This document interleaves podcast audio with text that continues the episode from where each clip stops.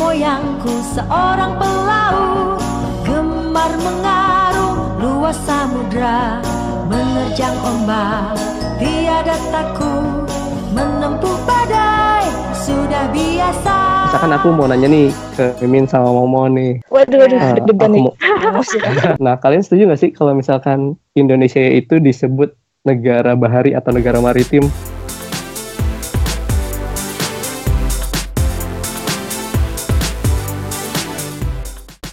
Sobat Storia, ketemu lagi sama Mimin dan Momon tentunya di Storia Talk.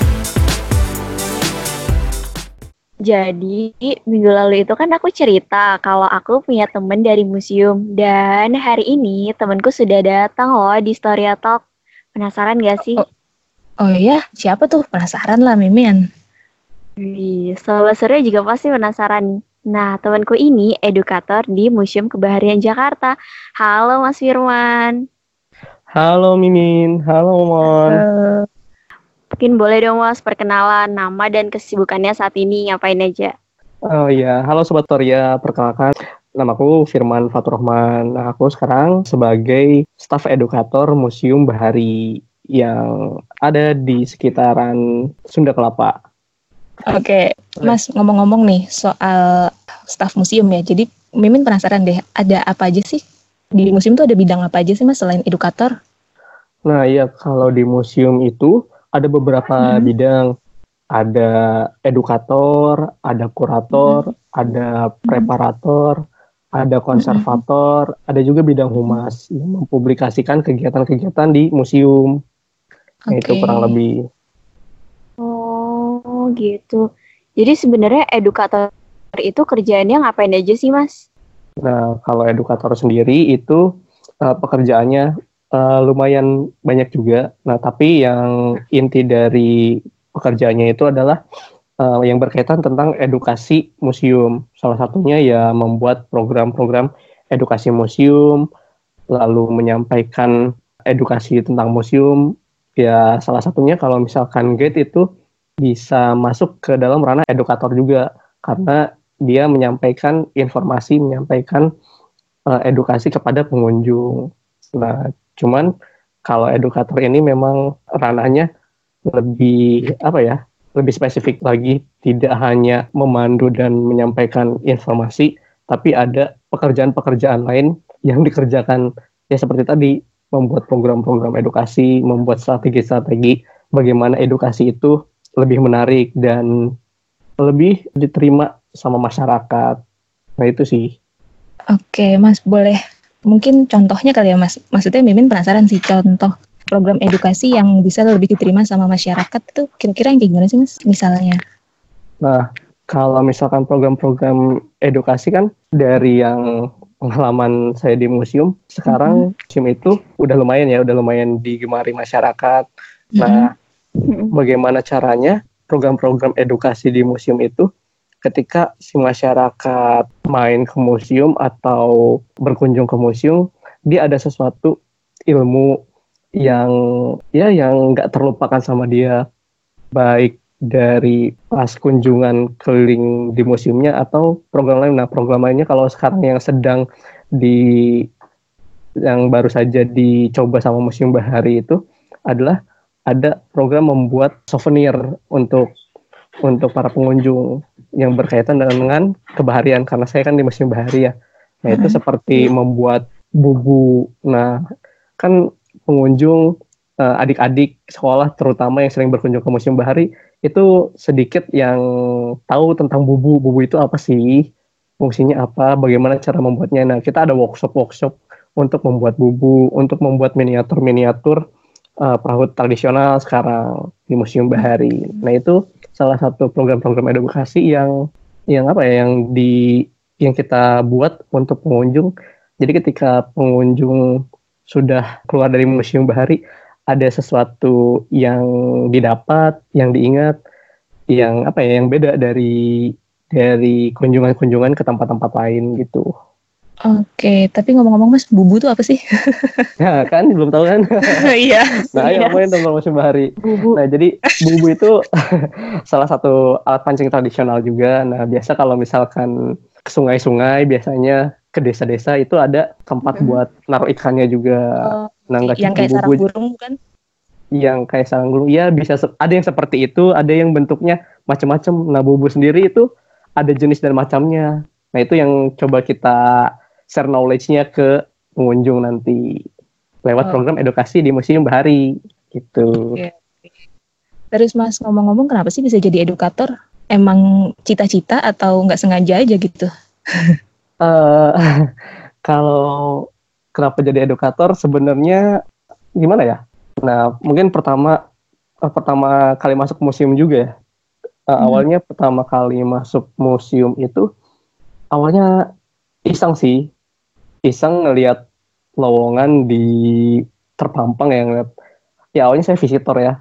Mhm. Awalnya saya visitor, pengunjung, terus ngelihat ada lowongan museum bu- buka lowongan untuk operator tadinya operator uh, di museum nah saya coba masuk ke situ kebetulan background keilmuan saya di bidang sejarah dan ambil tugas akhir atau skripsi pun tentang sejarah kemaritiman ya cobalah ke situ nah karena berawal dari dari visitor jadi mungkin ya kurang lebihnya saya tahu apa apa aja ya keluh kesahnya jadi pengunjung kalau kesahnya pas keliling di museum itu gimana. Jadi ketika diwawancara ada ada apa ya? Ada masukan-masukan. tersampaikan ya Mas.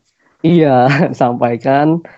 Ya akhirnya diterima dan ketika masuk ke Museum Bahari ya ya saya coba untuk apa yang dulu menjadi keluh kesah saya, saya berusaha untuk apa ya? Untuk untuk menambal keluh kesahnya itu. Soalnya kan nggak cuma saya, mungkin pengunjung yang lain pun punya keluh kesah yang sama. Nah itu bagaimana saya udah masuk di dalam, saya coba sedikit demi sedikit untuk ngerubah mindset mindset yang keluh kesah itu. Iya iya. Oh gitu Mas. Kalau tadi karena masuk jadi edukator itu karena awalnya jadi pengunjung, kira-kira Hmm. selain itu apa sih Mas yang membuat tertarik menjadi edukator di museum?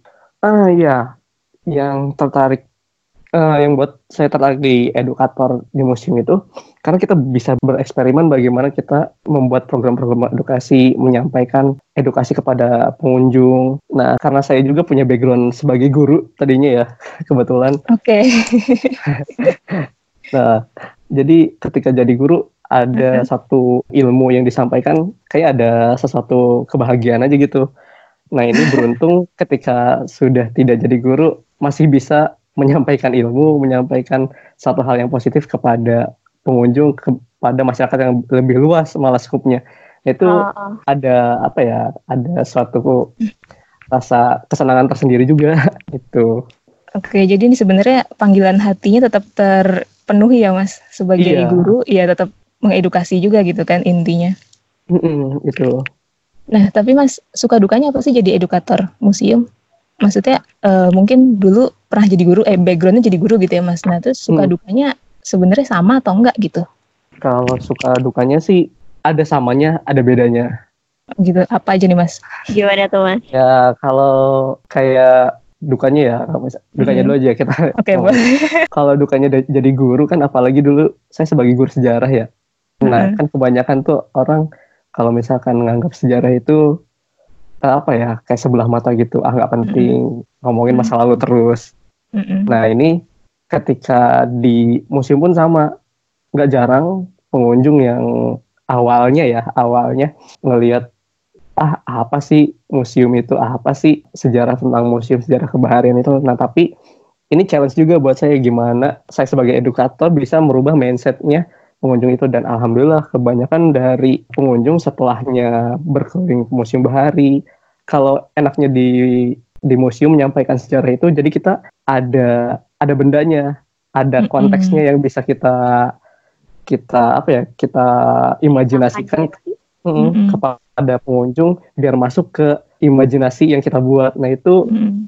apa ya itu sebuah sebuah hal yang baru juga awalnya ya buat saya dan Mm-mm. itu menarik sih tapi banyak juga sih yang dukanya itu eh, biasanya orang-orang yang ya acuh tak acuh lah ketika eh, menyampaikan penjelasan atau sharing knowledge tentang itu tapi sejauh ini eh, itu cuman bagian kecil aja sih Oh, mungkin ini Mas. Boleh dong sharing pengalaman yang paling berkesan jadi edukator di museum, Mas. Pengalaman berkesan ya? Uh, Iya. Pengalaman berkesan aku ketika jadi edukator di museum ya kadang ketika ada peneliti atau tamu-tamu negara kadang selalu di di apa ya diarahkannya ke aku juga ya untuk Mhm. membantu orang-orang penting itu.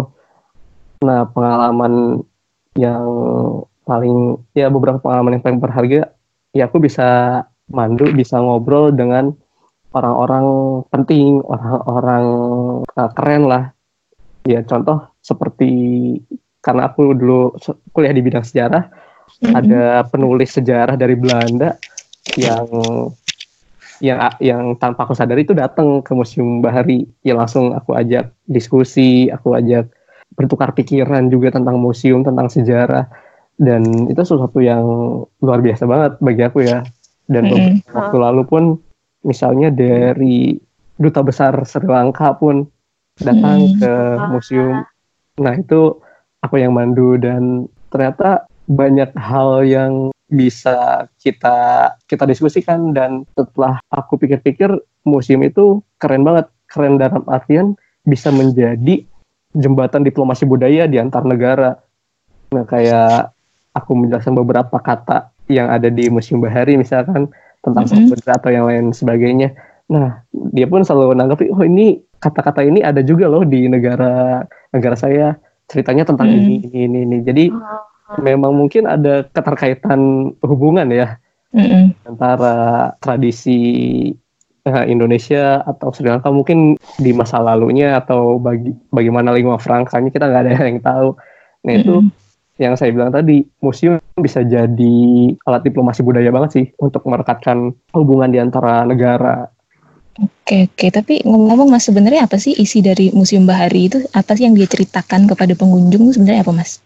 Nah, kalau Museum Bahari sendiri secara garis besarnya eh, menjelaskan tentang tradisi kebahariannya Indonesia. Ya, Mhm. sebagian besar eh, menampilkan tentang perahu miniatur perahu-perahu tradisional, ada pun perahu-perahu tradisional yang Mhm. aslinya terus ada juga alat-alat navigasi, alat-alat pancing. Nah, itu yang sebagian besar menceritakan tentang kebaharian Nusantara atau Indonesia. Nah, di lain itu, karena Museum Bahari itu dulunya adalah bangunan VOC, gudang rempah-rempah VOC, Mm-mm. jadi di situ ada juga eh, narasi atau cerita-cerita tentang kolonialisme di situ. Mm. Ada tentang VOC, lalu ada tentang rempah-rempah juga. Masih banyak lagi lainnya yang berkaitan tentang sejarah. Oh iya, ada juga tentang sejarah Jakarta di situ. Karena Jakarta sendiri awalnya kan namanya Sunda Kelapa. Nah, Sunda Kelapa Mm. itu dari nama pelabuhan, pelabuhan yang berada persis di sebelah Museum Bahari. Gitu. Oke. Jadi sangat berkaitan banget deh. Hmm, terus Mas, menurut Mas Firman sendiri nih, kenapa sih mungkin Sobat Storia pada penasaran juga ya, kenapa sih kita harus ke sana Mas? Harus berkunjung ke Museum Bahari. Menurut Mas, Firman gimana? Iya, eh, kenapa Sobat Storia atau masyarakat yang lain harus berkunjung ke Museum Bahari? Karena Mm-mm. Kita bisa lihat dari letak sisi geografisnya aja. Mm-mm. Eh, Indonesia itu kan dulu dua per tiganya lautan, bahkan sekarang bukan dua per tiga lagi, tapi satu per empatnya. Kalau misalkan Mm-mm. kita ngerujuk dari geografis yang dikeluarkan sama Kemenko Maritim, satu per Mm-mm. empatnya loh, satu per empatnya eh, daratan, tiga per Mm-mm. empatnya maaf, tiga per empatnya itu yang lautan. Nah, Mm. berarti kan secara garis besar eh, laut atau perairan kita tuh lebih banyak ya. Mm-mm. Dan kita selalu mengagung-agungkan juga nenek moyangku seorang pelaut. Pelaut. Mm-mm. Nah, Iya. itu Mas. yang didengung-dengungkan juga. Nah, terus ada juga presiden kita kan punya apa ya punya tujuan Indonesia sebagai poros maritim dunia. Nah, biasanya Mm-mm. eh, saya suka mengajukan pertanyaan juga nih ke pengunjung. Mm-mm. Mis- Misalkan aku mau nanya nih ke Mimin sama Momo nih. Waduh, waduh, nih. mau- nah, kalian setuju nggak sih kalau misalkan Indonesia itu disebut negara bahari atau negara maritim? Eh, ya kalau ngeliat dari geografisnya sih setuju Mas. Setuju sih Mas. Iya. Nah, setuju ya. Mimin sama Momon kira-kira kapan terakhir kali kakinya nyentuh air laut? Ini kurang yap, liburan susah. Ayo kapan? Kapan ya? Momen dulu kali jawab kapan Mon? Aku kapan ya? Mungkin tahun 2019 Mas terakhir. Oh iya iya, aku tahu kayaknya itu. nah ya kalau Mimin kapan terakhir kali kakinya nyentuh air laut? Kapan ya? 2016. Nggak tahu deh, lupa udah lama banget pokoknya. Wah, berarti ti- tiga empat tahun lalu ya. Oh iya. Terus aku mau nanya lagi nih. Nah, masih layak gak sih Indonesia disebut negara maritim? Ini jadi kayak kuis ya sama kita ya. Iya benar. Coba Mon? Masih layak. nggak Nah iya, di sini nah masih layak gak sih Layak kalau misalkan Mas, kalau ketemu layak? Kalau misalkan dari lihat dari segi geografis ya tapi dari sisi kita sebagai yang aku orang maritim negara maritimnya nyentuh air laut aja eh, nggak pernah. Terus yang aku ngaku Indonesia sebagai poros maritim dunia negara maritim tapi kita nggak tahu asal usul eh, kita disebut negara maritim nenek moyangku seorang pelaut itu nggak tahu. Nah di situlah kenapa pentingnya Museum Bahari hadir di masyarakat untuk dikunjungi juga biar kita itu tidak sakit. Iya, kalau misalkan saya bilang itu Indonesia ini lagi dalam penyakit nih Mbak. Eh, Eh, Penyakit apa jadi tuh Mas? penyakitnya itu amnesia kolektif. Udah lupa berjamaah lagi lupanya. Eh, eh, amnesia Iya, kalau- kolektif terhadap identitas bangsanya gitu ya Mas? Ya, identitas iya, identitas kita sebagai bangsa bahari atau bangsa maritim. Mm-mm. Jadi kita tuh ngaku tanah air Indonesia, tapi kita Mm-mm. lebih lebih tahu tentang tanahnya aja, lebih mencintai tanahnya aja, airnya tuh belum. Yaitu banyak bisa kita lihat dari ya tadi aja terakhir kali ke nyentuh air laut kapan tiga tahun lalu. Nah katanya cinta tanah air, tapi Bu, Min. terakhir kali nyentuh air lanjut ke bahari. tiga tahun, udah lama banget. Dan itu Iya. yang sering saya temukan sih ketika saya Hmm. memandu atau menjadi edukator di Museum Bahari. Nah itu salah satu tantangan juga bagi saya sebagai edukator untuk merubah mindset itu. Dan Mm-mm. itu menarik. Lanjut tentang museum bahari ini Mas. Menurut Mas Oke. Firman, koleksi yang paling menarik di museum bahari itu apa sih? Koleksi yang paling menarik ya. Kalau menurutku yang paling menarik banget itu pertama ada gedungnya. Mm-mm. Heeh. Hmm, karena gedungnya itu adalah salah satu gedung tertua yang ada di wilayah Jakarta. Karena kan sebelum membangun kota, dia membangun loji-loji dan gudang-gudang dulu ya, VOC itu. Hmm. Nah itu bangunan Museum Bahari itu salah satu bangunan tertua Belanda milik VOC yang ada di wilayah Jakarta. Dan kalau misalkan koleksi yang paling menarik ya, ada ini sih, Cadik Papua kalau misalkan biasa disebutnya. Jadi perahu bercadik dari Papua yang ada tulisannya Jayapura 2 yang Hmm. ditaruh di di koleksi perahu as di ruang koleksi perahu asli. Nah, itu sangat menarik karena dari segi artistiknya juga keren banget. Terus dari sisi apa ya sejarahnya perjalanannya pun sangat keren ya karena dengan cadik satu si perahu bercadik dari Papua ini sampai juga ke Jakarta untuk ikut dalam perayaan 50 tahun eh, 50 tahun kemerdekaan Indonesia atau Sel Indonesia ketika itu yang Hmm. akhirnya dihibahkan oleh pemerintah Jayapura masuk ke Museum Bahari. Nah, Oke. yang menarik bagi saya Mm-mm. dari bentuknya sendiri itu mengingatkan saya da- dengan salah satu film ya, Mm-mm. film Moana Oh ya. yang Oh iya, tahu Mas. ya misalkan kalau kalau misalkan pernah nonton film Moana, nah Hmm. itu ada beberapa kemiripan dengan struktur perahu yang ada di Moana yang merepresentasikan kepulauan Pasifika ya. Nah di situ aja kita udah bisa ngebangun imajinasi juga Mm-mm. eh, terkait hubungan maritim kita dengan kepulauan Pasifika. Nah itu bisa dijadikan sebagai apa ya arah diplomasi budaya juga mungkin nantinya. Mm-mm. Nah itu sih salah satu yang paling masterpiece banget ya Cadik Papua. Ini keren banget sih mas, maksudnya pakai perahu cadik dari Papua, dari lautan Papua menuju ke lautan Jakarta gitu, benar nggak sih? Ini Mimin nangkepnya. Iya iya dari Papua itu Hmm. ke daerah Pulau Jawa ya di Hmm. Jakarta juga di Ancol kalau nggak salah ya. Eh, saya eh, lupa lagi kalau nggak salah sih di Ancol ada perayaan tentang eh, perayaan Sel Indonesia. Ada di beberapa tempat soalnya di Pulau Jawa itu. Oke, itu tahun berapa sih mas? Hmm. Tahun 1995. Oh tahun 95, oh diisi berapa orang mas perahunya? Waktu itu sih yang nyampe ke itunya ya, itu sekitar 15 kalau tidak salah ya. Kalau Hmm. misalkan tidak salah, ketika sampai di perayaannya ya, di Mm-mm. perayaannya itu ada 15. Ada yang bilang kalau dari Papuanya mah ada 30 orang. Nah, cuman itu yang perlu ditelusuri lagi sama bidang musim yang lain uh, kuratorialnya. Mm-mm. Gitu. Oke nih Mas, ngomong-ngomong soal museum juga nih Mas. Sekarang kan kita lagi rame-rame ini nih PPSB gitu ya, yang baru baru dicanangkan sama pemerintah nih ya. Sementara kan udah dari Hmm. sekitar bulan lalu kita udah ada physical distancing, social distancing gitu ya terkait eh, COVID-19. Nah itu tuh berdampak nggak sih Mas buat museum? Sangat berdampak sih kalau Mhm. misalkan ada PSBB itu ya.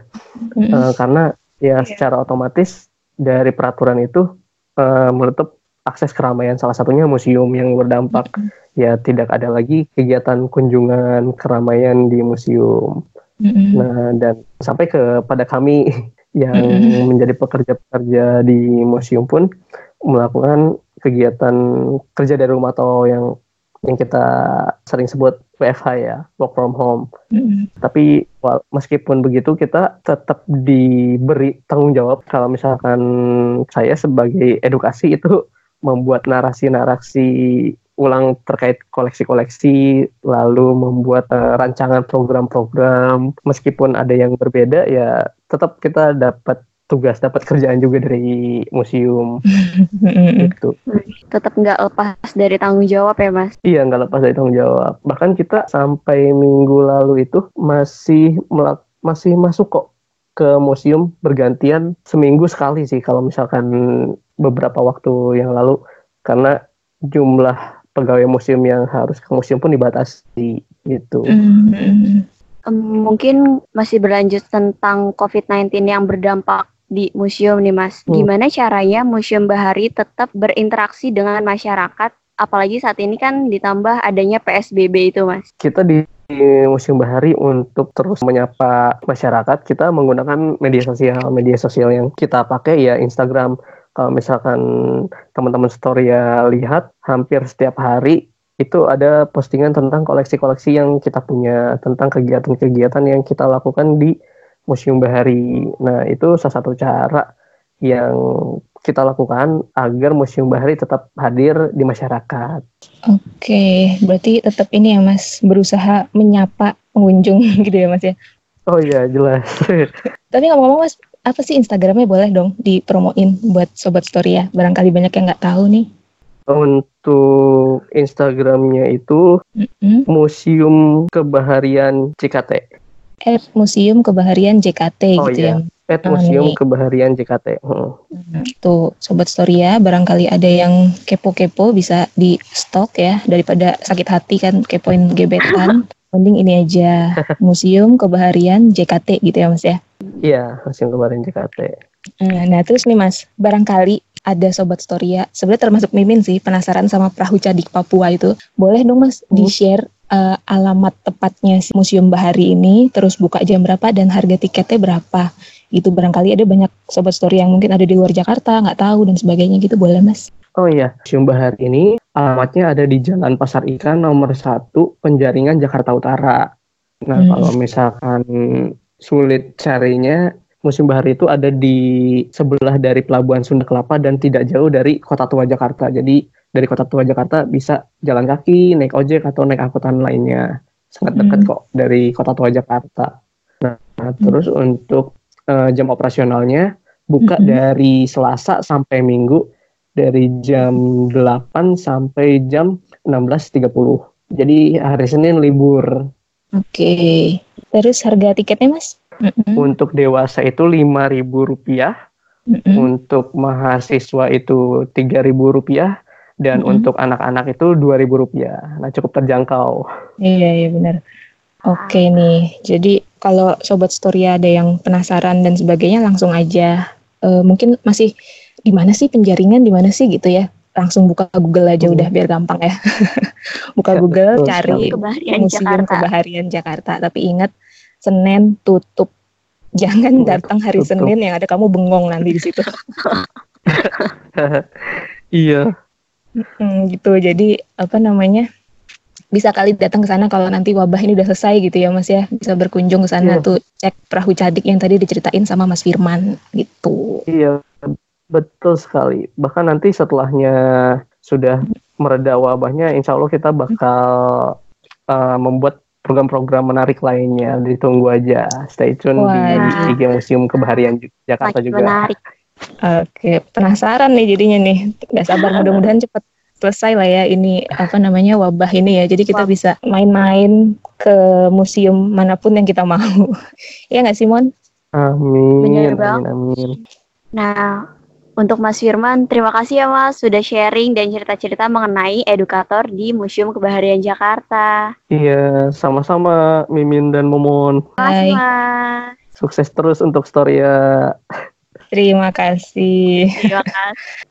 Oke, Mon, ternyata seru banget ya ngobrol sama edukator museum. Jadi apa namanya terbuka nih satu pengetahuan baru tentang edukator di museum. Ya nggak sih, Mon? Bener banget. Jadi, edukator museum ini membuat program-program menarik untuk masyarakat supaya masyarakat yang datang ke museum ini punya pengalaman yang berkesan. Bener nggak sih, Min? Betul betul. Dan ini ya apa namanya walaupun dengan challenge tertentu, maksudnya tantangannya pasti beda-beda lah ya. Tapi tetap loh eh, apa namanya edukator museum itu berusaha menyampaikan isi dari cerita dari museumnya itu dengan baik dan benar supaya masyarakat juga ya setelah dari datang dari museum nggak cuman lupa atau udahlah apaan sih tadi gitu ya. Jadi tetap ada yang diingat ya nggak sih? Bener banget, Min. Gimana Sobat Surya? Menarik bukan obrolan kita kali ini mengenai edukator di museum. Nah, jangan lupa nih pantengin Instagramnya storia.karacitra. Iya, jadi kalau misalkan Sobat Storia pada nggak mau ketinggalan soal eh, kira-kira minggu depan Mimin sama Momen bakal ngobrol sama siapa lagi ya, pantengin aja Instagram storia.karacitra biar bisa dapet info terkini tentang podcast kita yang pasti ya, juga tentang sejarah dan budaya gitu. Cus lanjut kepoin Instagramnya. Dan nih, buat Sobat Surya yang punya saran, kira-kira kita enaknya ngobrolin tentang apa ya? Langsung aja DM Mimin di Instagramnya storia.karacitra tadi. Terima kasih Sobat Surya. Bye-bye.